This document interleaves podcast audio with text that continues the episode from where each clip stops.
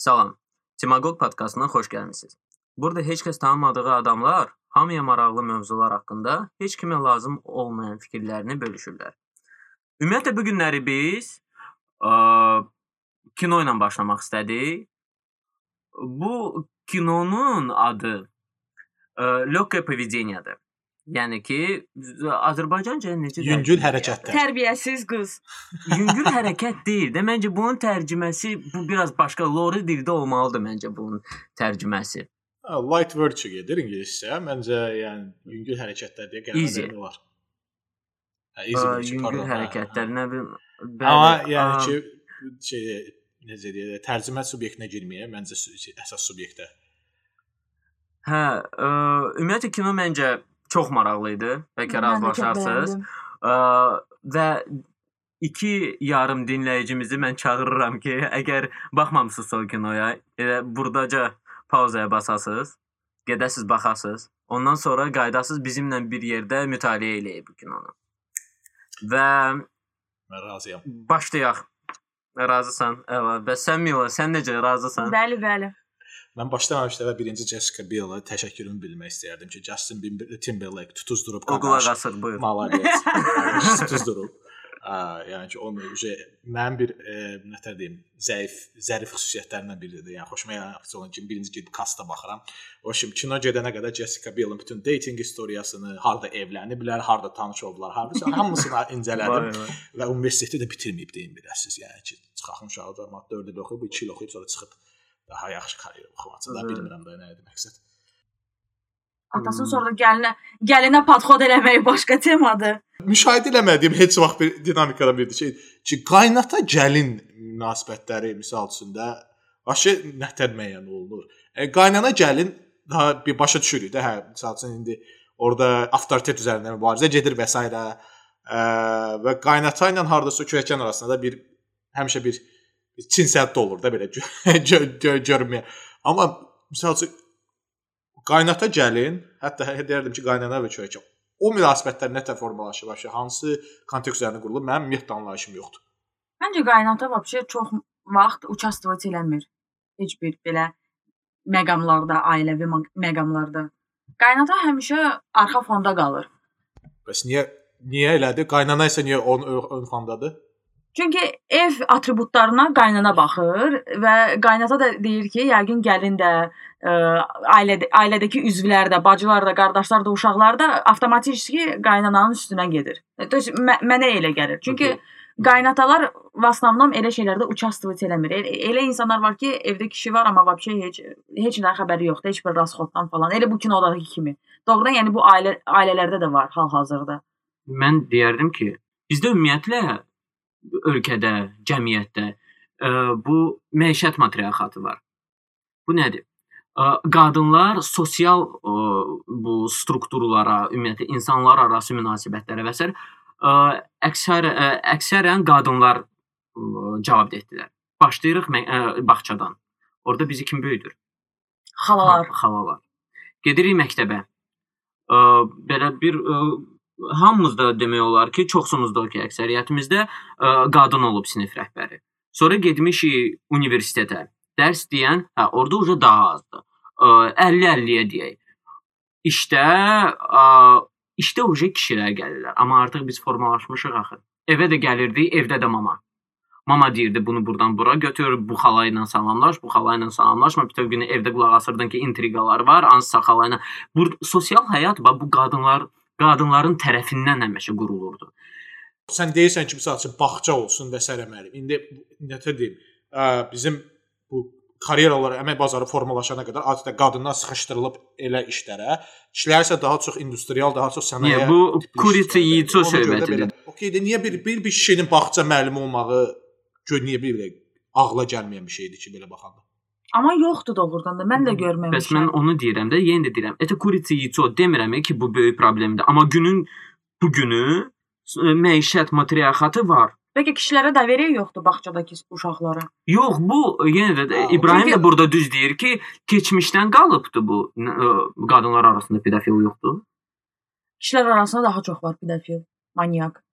Okay, məndə statistik danlı yoxdur. Bəlkə də əksəriyyəti elədir. Mən məsələn uşaqlıqda onunla qarşılaşmışam. Nə yalan deyim. 10 yaşımda da, 12 yaşımda da, 15 yaşımda da hansısa daydaylardan podxod, hardasa da damaqaçıstva görmüşəm. Daha 12 yaşımda.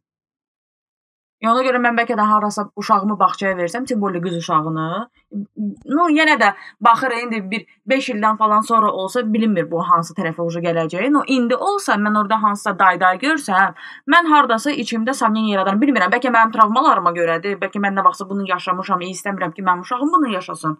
Ola bilər ona görə. Но 5 ildən sonra mən bilmirəm bu hansı dərəcəyə çatacaq, necə olacaq. Уже как там будут проверяться люди, могут быть. Может быть, да, такое, да, что они уже там на psixoloji основе проверяются. Amma indi fakt budur ki, bağçaya necə yazılırlar cəmaət. Gəlirsən intervyunu keçirsən, hə, svobodный qrafikdir, gəl get işlə.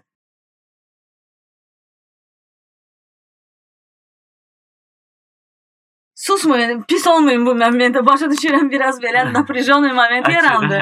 Hə, amma уже neçə neçə il keçib də, уже все da, уже все, уже keçdi. Doğrudan çox təəssüf eləyirəm. Da, o kimi. Özü bu haqqda danışmaq da bildiyim qədərilə, oxuduğum qədərilə ki, qadınlara çox çətindir. İnşallah ki, heç kəs bununla qarşılaşmaz. Yəni qayıdaq verməyəm tək naşım kuruçkam. Qayıdaq e, bizim kinoya. da, mən məsəl üçün orada indi şey qaynana ümumiyyətlə belə deyim də bir yaşlı cütlüyün ə, azalan romantikasında çox yaxşı müşahidə eləmək olur. Bir cütlük 10 il, 5 il, o 20 il qala bir yerdədirsə, o demək deyil ki, bu ya okey, ən birinci gün kimi olmayacaq, amma yenə də burada bir cəhd olmalıdır ki, bu e, bir bağlılığı və ya romantikanı bir canlı saxlayasan. Mən belə fikirləşirəm. Məncə bir 20 ildən, 30 ildən sonra heç bir yaxınlaşan romantika qalmır. Yəni dəli cəsinə də sevsəz, eləsəz, nə vaxtsa da 20-30 ilə istər-istəməz bu stabilləşir. Yəni insana bu məxsus bir şeydir. Hər nə isə stabilni görəndə onun dəyərini itirir. Hə, ona hedonistik adaptasiya deyirlər. Başa düşürəm, amma okey, onda belə çıxır ki, e, e, şey dedi, bir müddət cütlük olandan sonra yeni hisslər açıq olmaq normaldır, belə deyək. Yox, o uca hörmətdə asılıdır. Sən uca öz ə, yarıva hörmət edirsənsə, əlbəttə ki, sən nə özünə, nə başqasına qarşı elə hərəkət apuska eləməyəcəksən. Amma ki, burada hörmət də yox idi axı, iki tərəfdən. Tamam. Onda burada reputasiyadır da belə çıxır ki, saxlayan insanlar. Yəni ki, insanlar bir-birlərini deyir ki, hörmət məsələsidir də. Yəni ki, okey, əgər bir müddətdən sonra qalmırsa bir hisslər falan, ancaq hörmətə görə bunu edə bilər. Faktiki bu hörmətsizlik niyə eləməsə bilər? Çünki həmin insanın reputasiyasına biz ziyan gələ bilər. Onda bir serizdən belə çıxır ki, insanlar reputasiyadan söhbət getmir. Sənin bir insana qarşı romantik hissin yoxdursa, strassin yoxdursa, sən demədin ki, o sən o insana zərbə falan vura bilərsən. Sən çox istəyirsən də o insanı, çox istədiyin insana necə ya yaralı bir şey eləyə bilərsən ki? Orda doğrudan sevgi yox idi. Məncə ümumiyyətlə yox idi. O qadın prosta yox bu qadın, yəni bildiyimiz canavar. Məncə bu kino prosta Azərbaycan bir ailəsinin üzvüdür.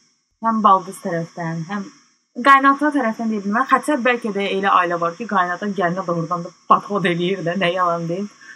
Ola, ola, ola bilər. Aa, mən, mən bilirsiniz nə istoriyalar bilirəm. Deməli bu Facebookdandır amma olsun, çox maraqlıdır.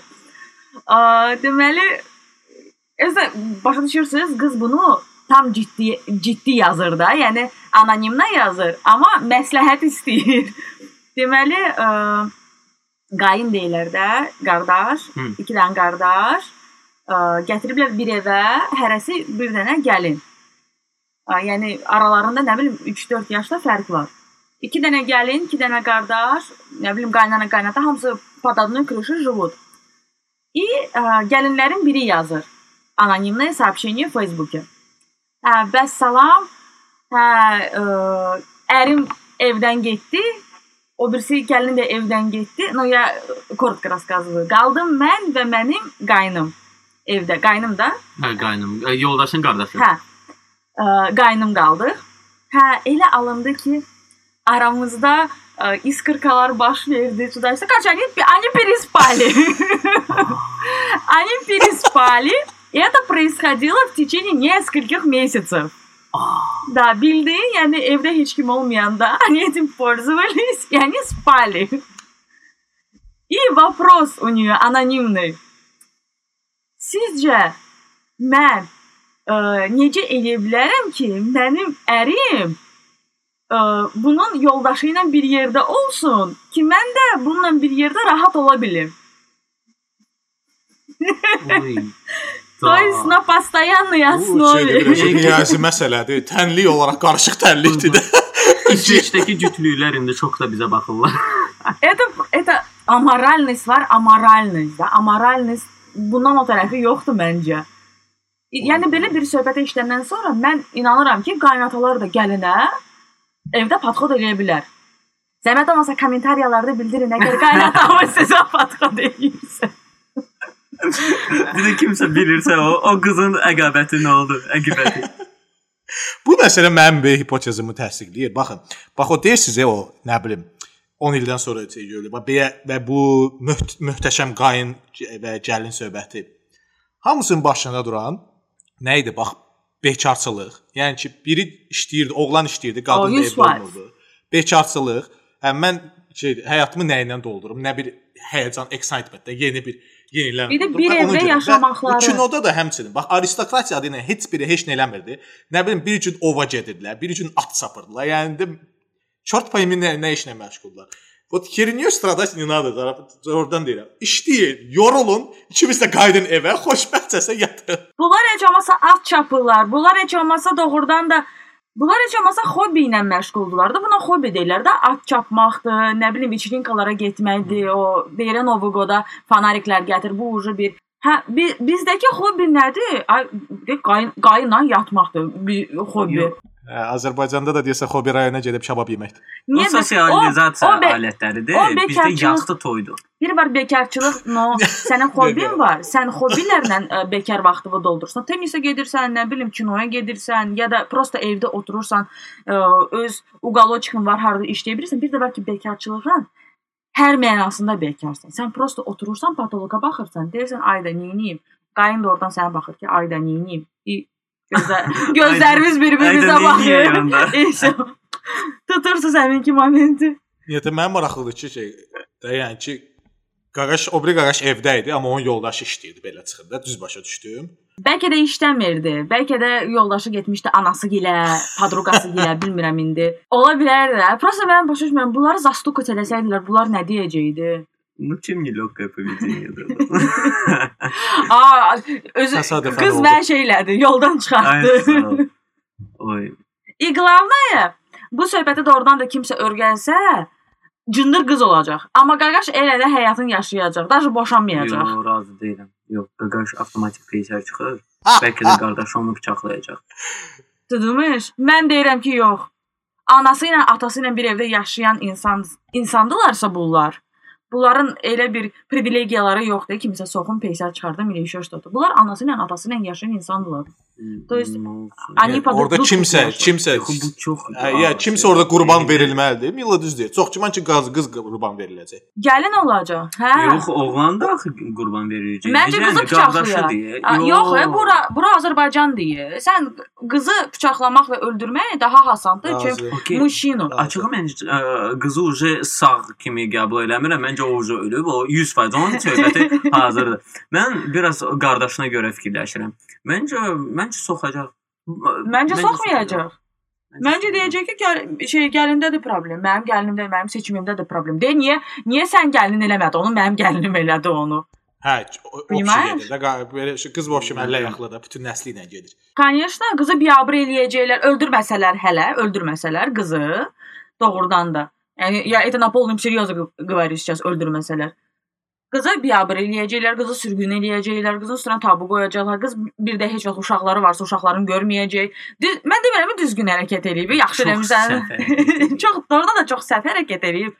Amma ki, qaqaşa olan şeylər qıza olmayacaq. Hə, bu- hə. Ustupkalar.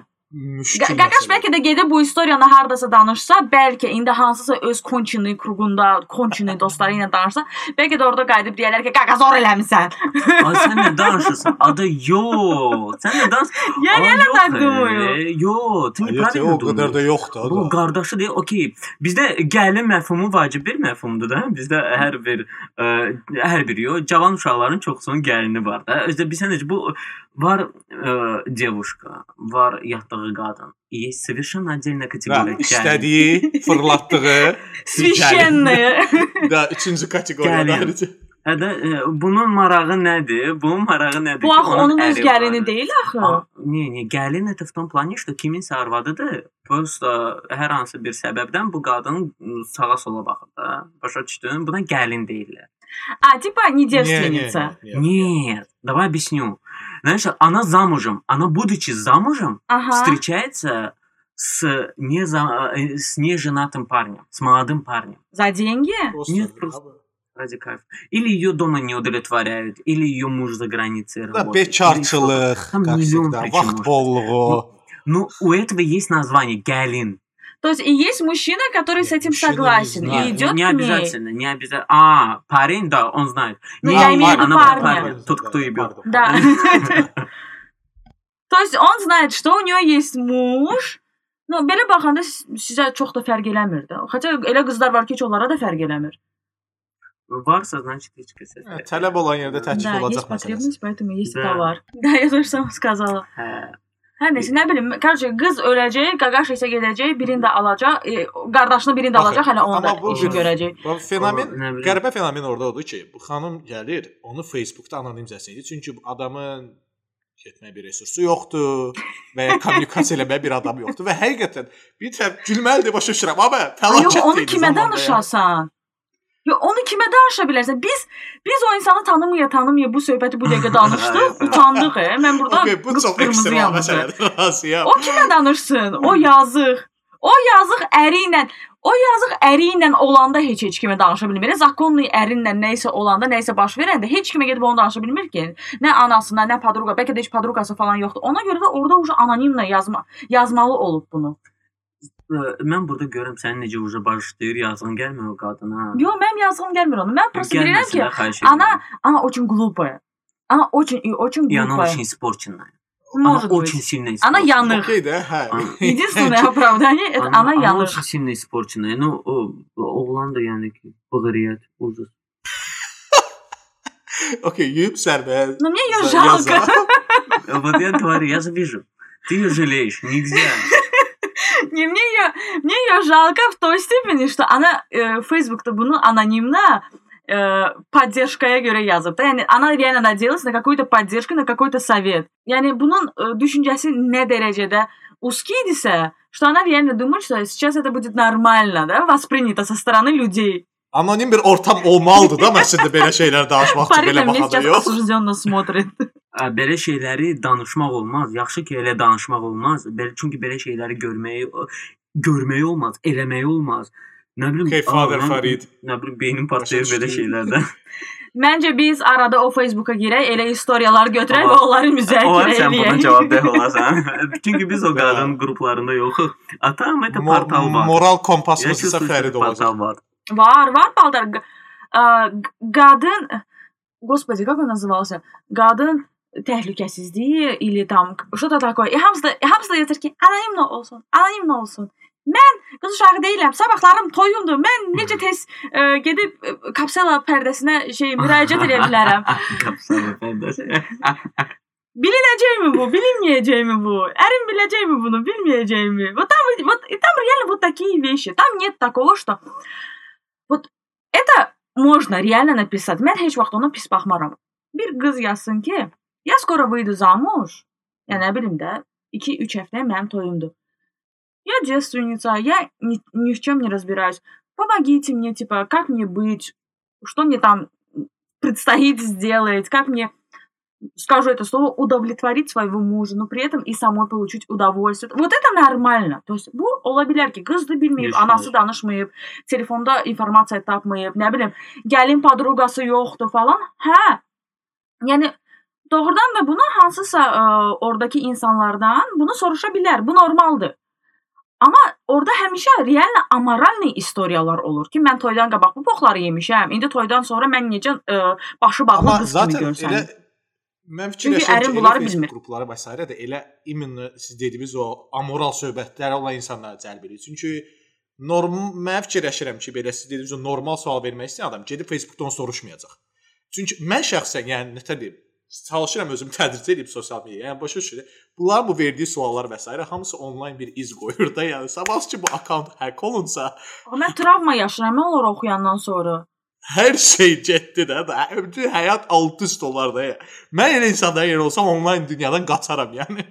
E, olsa da akkaunt yaratmaram. Cem internet klubda nə bilim incognito browserdə yazaram, qaçaram evə təzə.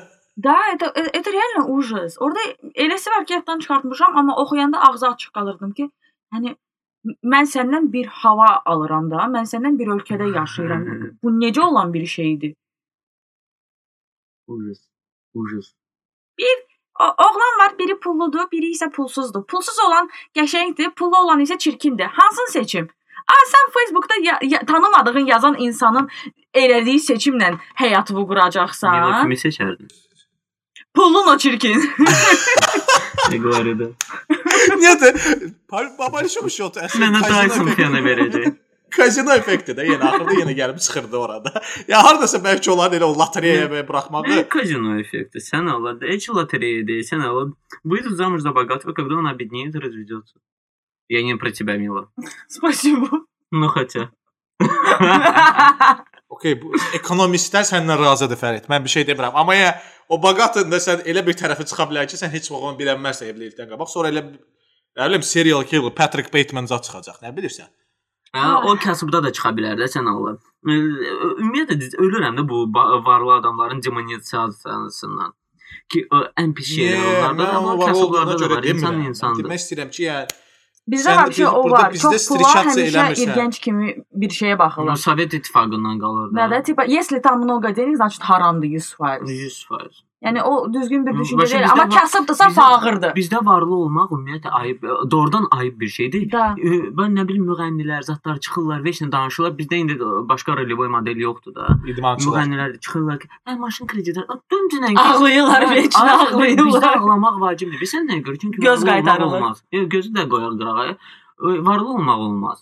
A, ayıbdır. İnsanlar srazu səndən zəhləsi gedir. Сразу, да. Кстати, есть такое. Даже sən istirahətə gedirsənsə, nə bilim, illərlə pul yığmısan, getmisən Maldivə, olsun 10 min 10 min manatdır da indi məsələn Maldivə getmək.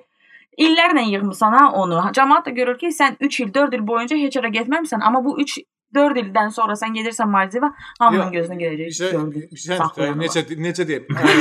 ə, şey varlıların da və ya var, orta təbəqənin və s. özlərini belə də normal göstərməyə də bir yer də yoxdur. Yəni ki, sənin qurban olum C- Dolce Gabbana'nın varlısı da geyinir, bunun or orta təbəqəsi də geyinir, bu a- aşağı təbəqəsi də gey- geyinir və Yo, bizdə elə deyil axı. Yo, bi bizdə elə deyil. Bizə Dolce Gabbana geyinənə bilirsiniz necə baxırlar? Всё, звезда. Нет. С космоса Если это Bizə так, Dolce это Gabbana очень elə baxırlar. печально. Bizə даже Zara Это geyinənə очень elə baxırlar. Da.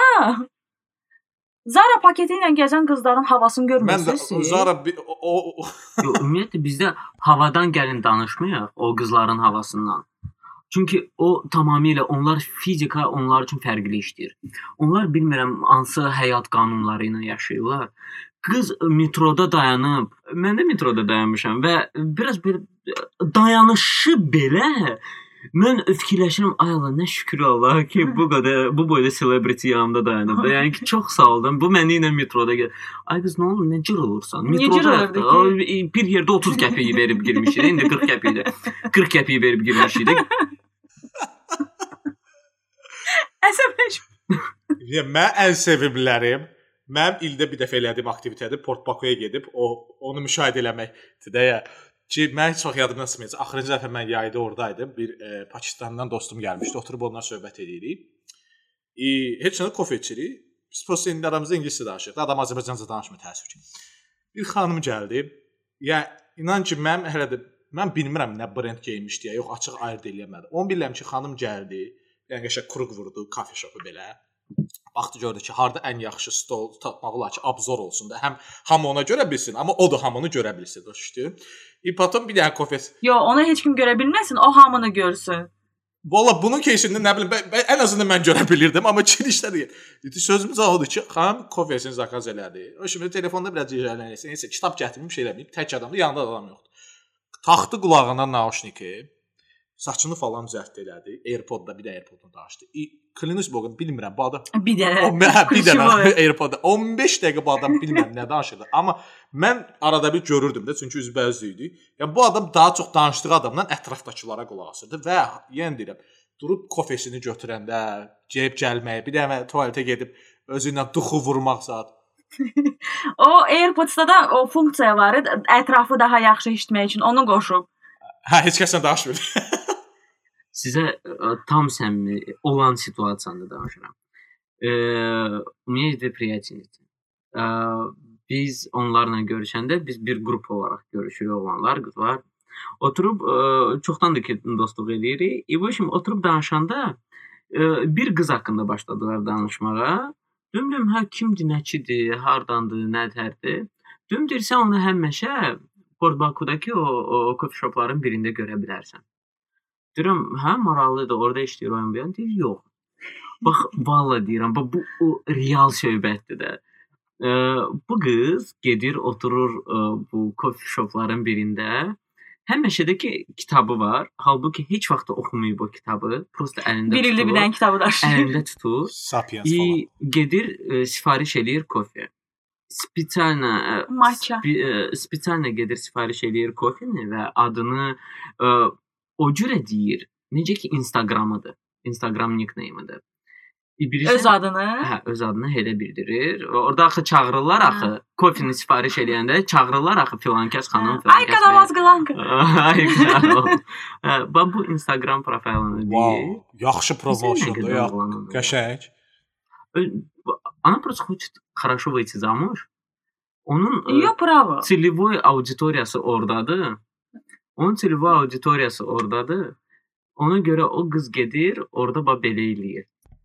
Çox qəşəng strategiyadır deyərdim ki, yəni çox yaxşı promotiondur. Молодец. Э, Сказать, что я был в шоке, когда я об этом узнал, это не сказать ничего. Если честно, я не в şoke. Mesela- Nə bilim, yəni özü bilər. Yaxşı eləyir. Özür dilərim, real- Yaxşı eləyir. Hə. Mən də bunu eləyəcəm. Patpişiklər yığacam özümə. Sərdən gəlini itib yıxıb qaynana sərdən gəlini yıxıb sürüdü ki, nə var nə var siqaret çəkir qaynananın yanında, nə bilim vulgarность, а vulgarность. Yo, и это правило. Свобода. Не, подожди. А вот когда вот выходит э, выходить замуж за хорошего, dilerim. Duydun? Знаешь почему? Я перешел ей дорогу. Dolce Gabbana da tərifləyir, fikir verdi. Не, все заслуживают хорошей жизни. Там же правил нет, там же нет такого правила, что сами из никнеймы Зачем, зачем, зачем ты должна быть нахлебницей? Зачем, э, э, не ты, Мила, э, условно, хотя... э, soxmasan.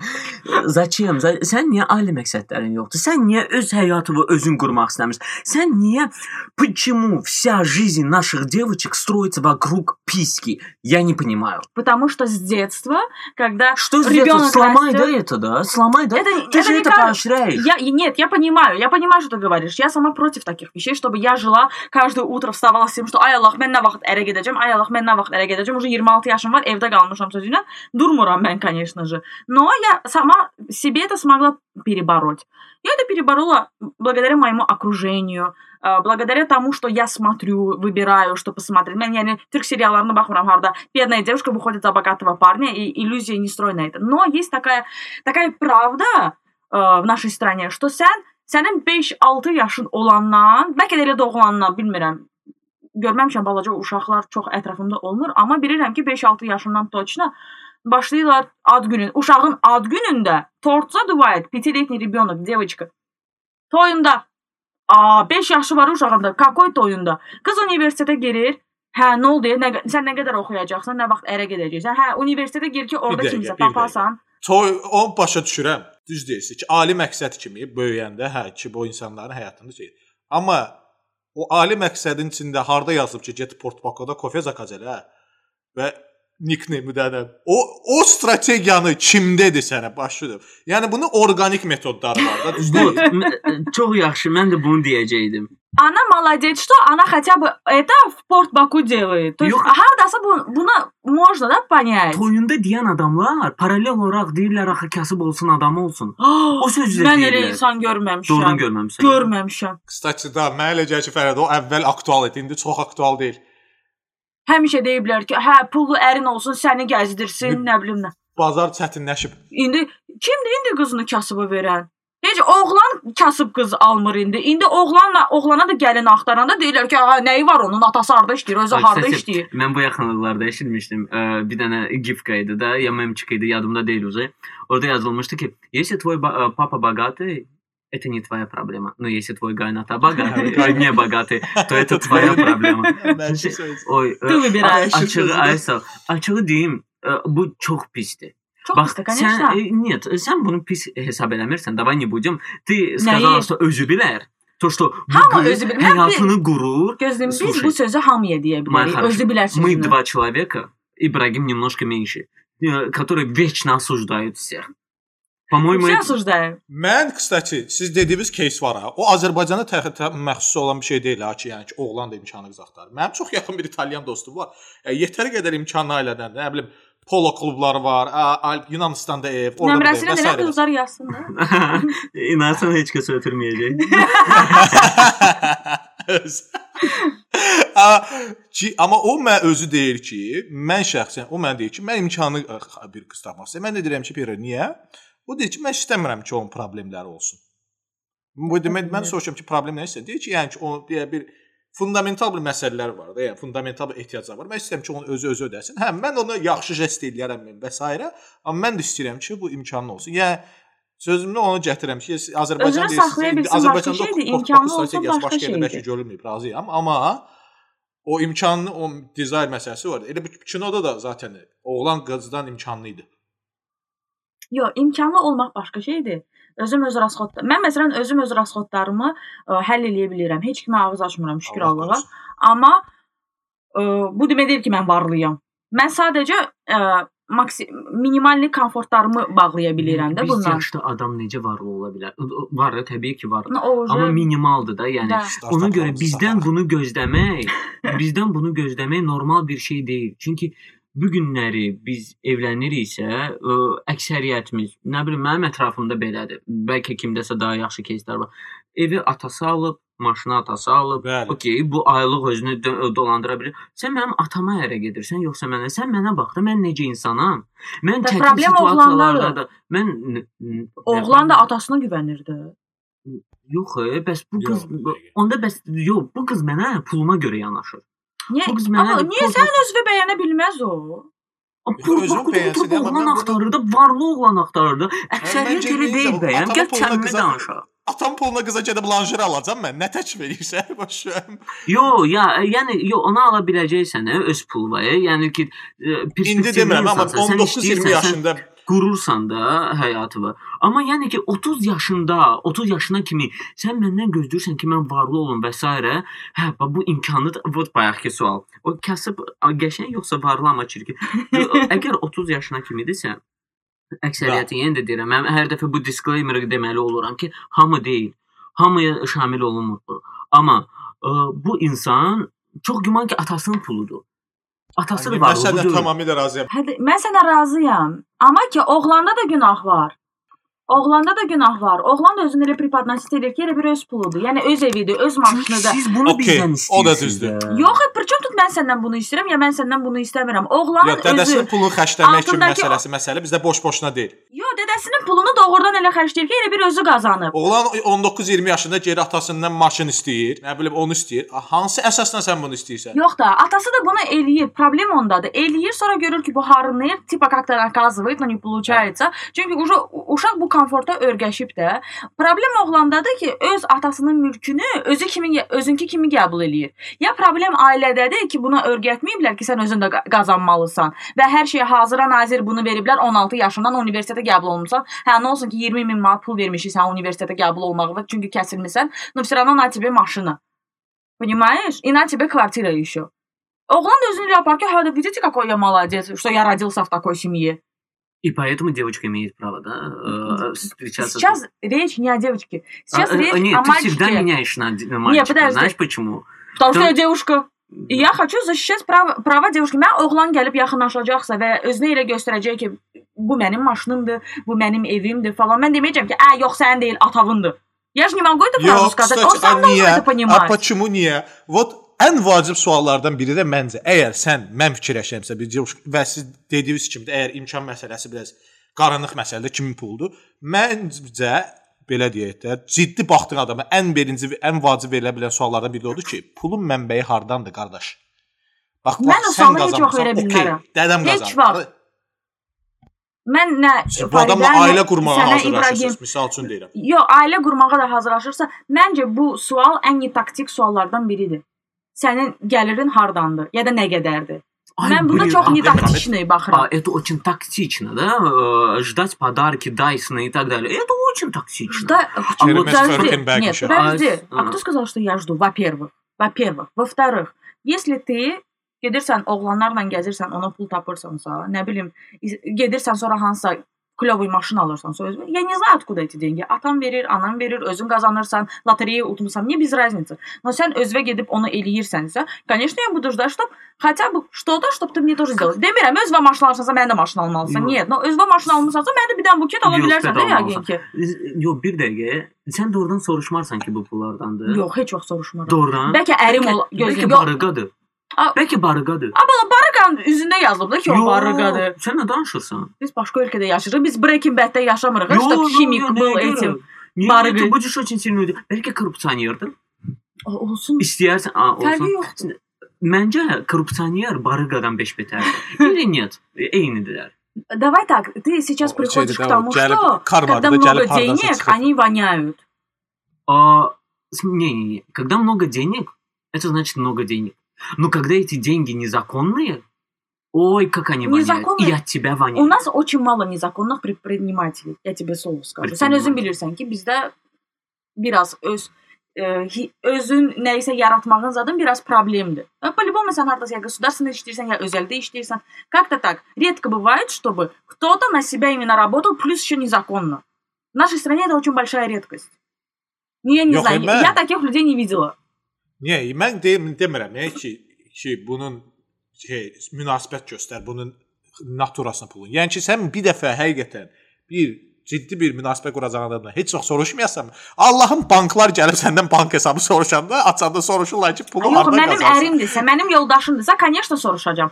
Но mən təzə-təzə oğlanla başlayıram görüşməyə, e, başlayıram, hə, откуда у тебя деньги? Ya da Это же ikinci некрасиво. görüşdə, ikinci görüşdə yox da.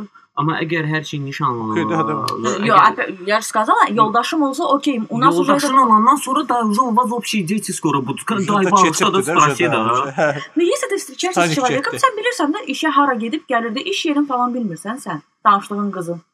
Sən ya da Və siz deyir ki, İbrahim. bu iş ya Bilirsən də hara Mən gedir, hara sözümü gəlir. cavabladı Səhər hara ki, gedir, axşam siz hardan deyir, gəlir, bayaq bilirsən deyirsiz, də. sən Dolce bunu. Gabbana-nı görür. Və bu Dolce Gabbana-nı görən ondan ürəyə getməli deyil. Dayıca da adam fikirləşməlidir ki, okey, bu insanın normal pul qabiliyyət qazanmağı nədə ehtimalı? Hardan gələ bilər? İşte Dolce Yəni bu Gabbana da tə- əgər A, xar- necə? Bizdə də yoxdur Dolce Gabbana A, A, A klass. Və orasını mən bilmirəm. Sözümü canlı onu demək istəyirəm ki, yəni, burada daha çox yəni ki, ürəyə getməkdənsə daha çox kritik yanaşmaq lazımdır ki, bilmək sən başa düşəsən ki, okey, bu insanın məqsədi nədir? Mən bilmirəm. Doğrudan insan bəzi mən çox həqiqətən imkanlı adam, həqiqətən imkanlı deyirəm, ay yəni ki, atası, babası, nənəsi va- imkanı olan insanlar çox az görmüşəm ki, Dolce Gabbana geyinsin. Amma biraz pula görən gedib Dolce Gabbana gedir. Məncə də, Yəni, məncə də. Bəs elə paradoks da orada yaranır əli gəlmir o Dolce Gabbana. heç vaxt gedib Dolce Gabbana, heç əli gəlmək yox. O Çünki çox zəif. e, diqqət istəməz. O şeydir də elegant, İldə bir Elegant dəfə gedib sakitdir. Avropaya, Amma- skitkalar olur hər şey. Dolce Gabbana, Versace, Armani, hər şey skitka olur.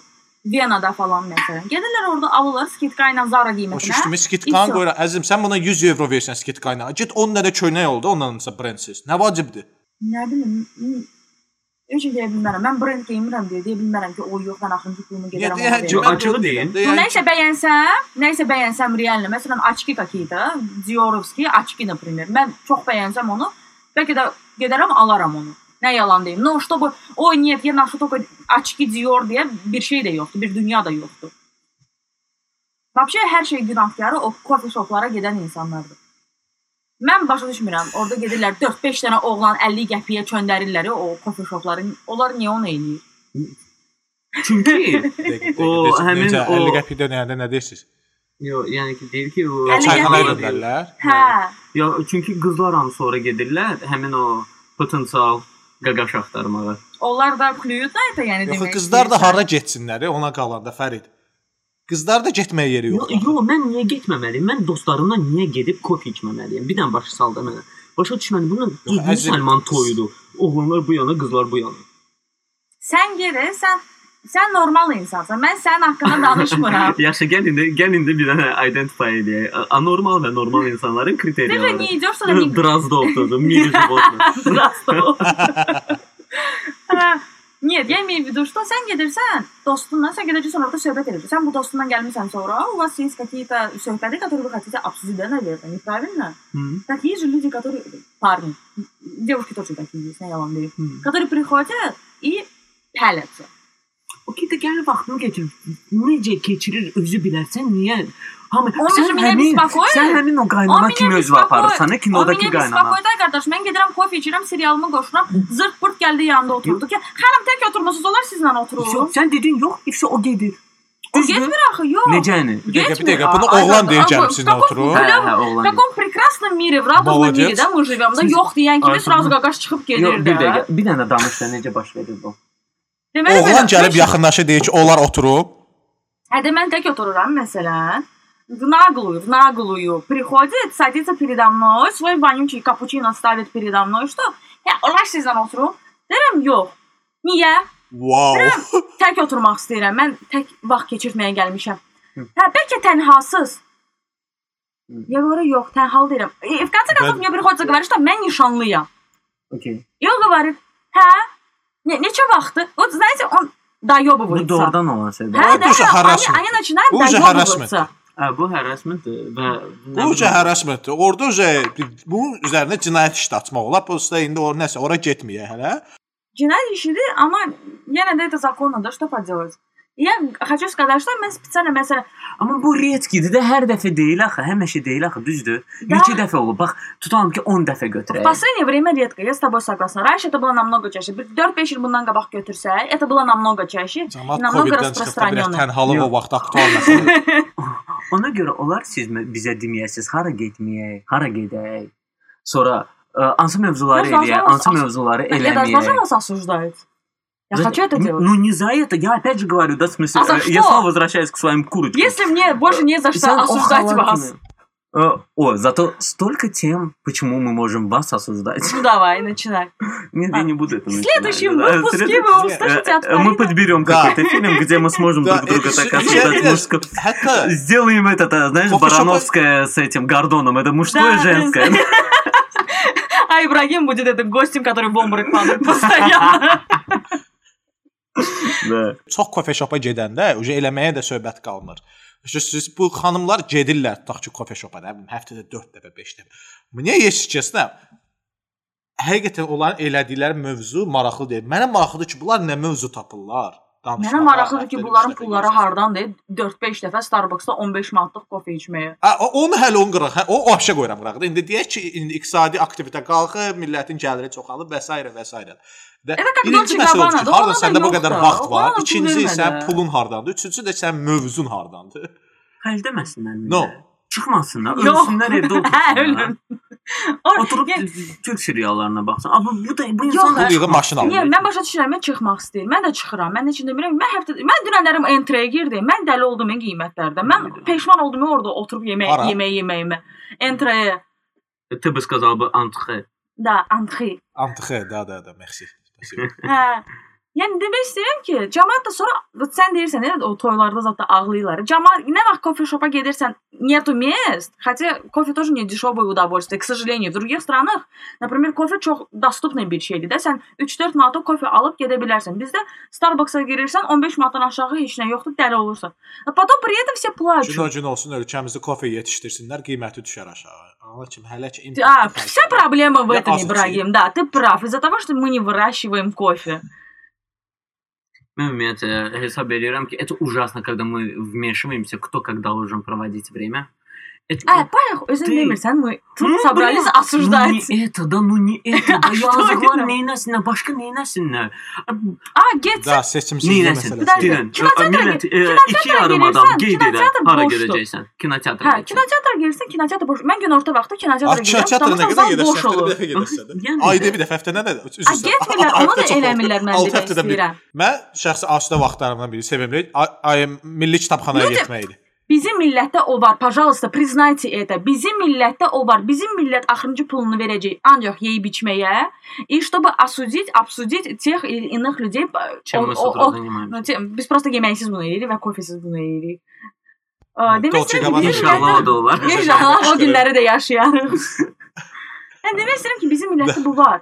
Торговая girirsən, торговый partlayır, başqa yerlərə girirsən, nə bilim, bowling olsun, э, там, не знаю, какие у нас там еще есть развлечения, их немного, конечно же, но nəysə, o oralar пустую.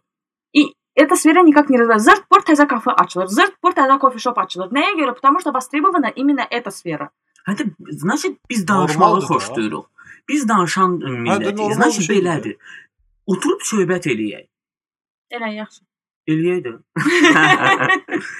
Mən orada daha çox fikrimi çəkən o idi ki, onlar qaynana qaynatan qabağında öpüşürdülər. Yəni mən hələ də o bir onu həzm eləyə bilmirəm.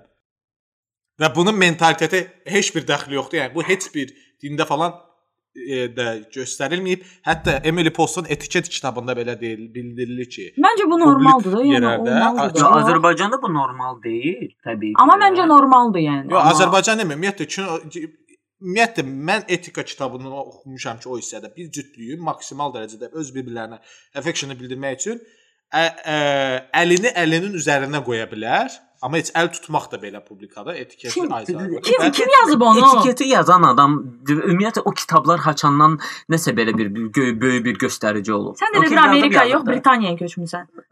Etika kitabı. Ona qalsa dirsəkləri də stolun üstə qoymalı deyirsən, amma sən qoyursan Ну, yemək yeyəndə. правила для того, чтобы их нарушать. Ay blin. Ну, кто пишет эти правила? Əhdin tökülsün. Onda hələ də biz oxumalıyıq ki, уход за париком у мужиков, да, которые во Франции они как ухаживали. Слушай, vaxt dəyişir, hər şey dəyişir. Məncə hər bir şey orqanik olmalıdır. Sən özünü prosta elə aparmalısan ki, başqa insana minimal diskomfort verəsən. Всё, qalan hamısı boş-boş şeylərdir. Bizimkilər də hamısı diskomfort yaşayacaq Xanımın yanında. diskomfortunun öpüşüb əsas eləsə. səbəblərindən biri Ya, odur. mən ki, mən hesab edirəm ki, doğrudan mən Azərbaycanda böyümüş adam kimi mənim üçün anormaldır. Ümumiyyətlə dostlarım da olsun da, ər arvad və s. öpüşsünlər. Nə olub? Nə xəbərdir? Pajardır. Gözləklə mən çıxıb gedərəm Kabinet sonra. kapı, evə. kabinet. Может, им реально сейчас хочется это сделать? Зачем сейчас? Я тут, в смысле, я же не куст. Не имеем, что ты здесь. Чё get, если тебе не нравится? Нет, я же не куст, как бы мы с тобой э, договорились увидеться, мы увиделись, мне приятно тут сидеть, и вдруг вы целуетесь. Ну, olub, Niyə doğru da də- mənə çatmır. Niyə də söhbət про про целоваться, про bir-birinin içinə girməkdən getmir. Da ya про поцелуи нормальные, не про Yox, аморальные. yox, nə xəbərdir? А ürəyim istədiyin də elədim. də. Sən nə fərqi var? Если тебе это неприятно видеть, встань и уйди. Нет, это ты решила поцеловать, не я решил поцеловать, поэтому уйти должна ты. Нас двое, ты один. Ну и что, Да, это же при ваше этом решение şeydir. было. Makiyaj və ya pomada düzəltmək üçün gedirlər. O- Amma onu stol. Oğlan? Məncə o getdi O da olar. qayıtda yaxşıdır. o da olar. No, diskomfort deyirsən, o kinoda elə əsas diskomfort səbəblərindən biri o idi ki, o xanım ikinci dəfə evlənmişdi. İndi birinci dəfə ərini e, ölmüşdü, öldürmüşlər və s. onu qoyuram qırağa. Kısacası çok güzel. İkinci dəfə evlənmək. Deyir ki, deyir sən hələ bilmirsən də sevgi nədir. Deyir sən ə, sevgi elə bir şeydir ki, hətta sən həmin sevdiyindən həmin adamı öldürə bilərsən. Yəni o deməkdir ki, o öldürdü onu. Hələ o onu öldürmüşdü. 5 Bu- plus tərcümə qabiliyyəti. Onu öldürdü ki, onu öldürdü ki, Present. maşını alsın. o sən necə pisin? Ümidvaram ki, вообще bizim iki yarım dinləyicimizin də xoşuna gəldi. Ə, Açıq çox skeptik yanaşırıq, başı buraxacağıq bunu ya yox. Amma Buraxsaq, пожалуйста. buraxsaq hə. Не осуждайте. Bir də- Sizin temagoglar həmişə Bir də sizinlə. yazarsınız da nəsə. Vəbşə xoşunuz gəldi. Gəl, va- mən sizi inandıram ki, oturub oxuyacağıq. Bəlkə bir elədik ki, bizim e, uvidamleniyalardan doldu, bizim telefonumuz görmürük. Amma bilin ki, biz bunu oxuyacağıq, biz qrupumuza göndərəcəyik. Deyəcəyik, nakонец-то kimsə baxdıqlarsa. Mən pis kommentari görüb вообще ağlayıb eləyə bilərəm Ay, orada. sağ ol. Gəl, Mən də ağlaya bilərəm.